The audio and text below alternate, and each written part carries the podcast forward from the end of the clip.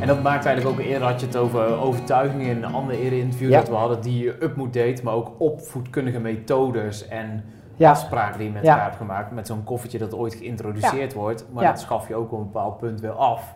Dus ook die opvoedkundige methodes, die update je eigenlijk net zo goed. Ja, zeker. En soms is het ook heel mooi om, om iets wat je gebruikt hebt, eh, ook weer mee te stoppen. Want dan geef je ook een signaal af dat je de verantwoordelijkheid bij de ander neerlegt. Ja, dat je niet meer een soort sanctie, beloonding of Of hoe je een zo'n hulpmiddel eigenlijk, ja. Hey, ja. Nou kunnen we het, nou weten we het. ja. En, en, eh, en dan nog kan iemand zijn telefoon even pakken omdat er iets heel belangrijk is met een vriend of vriendin.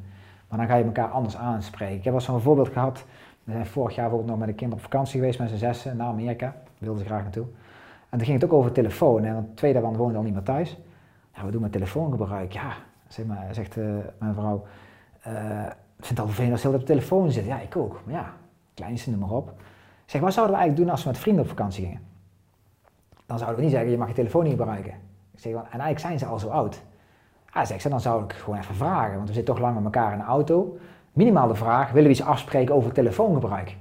Want het zou jammer zijn als we aan het eind van de reis aan elkaar storen, omdat ene altijd onder het eten zijn hele Ja. e-mail doet. ja. Ja, dan zou ik het gewoon vragen. En dat is grappig, toen hebben we die vraag gesteld, de eerste half uur dat we in de auto zaten. Jongens, wat vinden we eigenlijk van telefoon, hoe gaan we er mee om? En eigenlijk maakten ze zelf een plan. Van, luister, we doen eigenlijk telefoon wegleggen, muziek opzetten.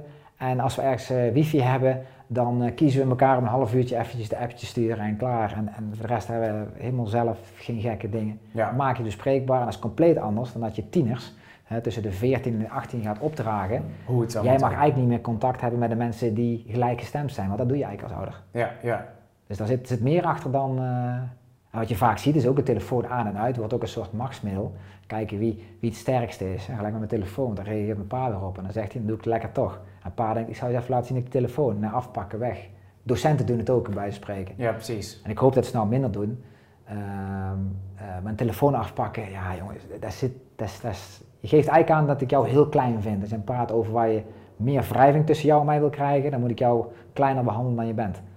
En eh, soms uit on- onhandigheid of soms uit het niet updaten van is het nog wel handig dat ik een telefoon inneem, Ja, ja. eh, gebeuren dat soort dingen. Maar dat zou mijn advies wel zijn om daar beter over na te denken. Werkt het nog? Is het nog handig? En wat zeg ik eigenlijk met die sanctie of beloning of wat?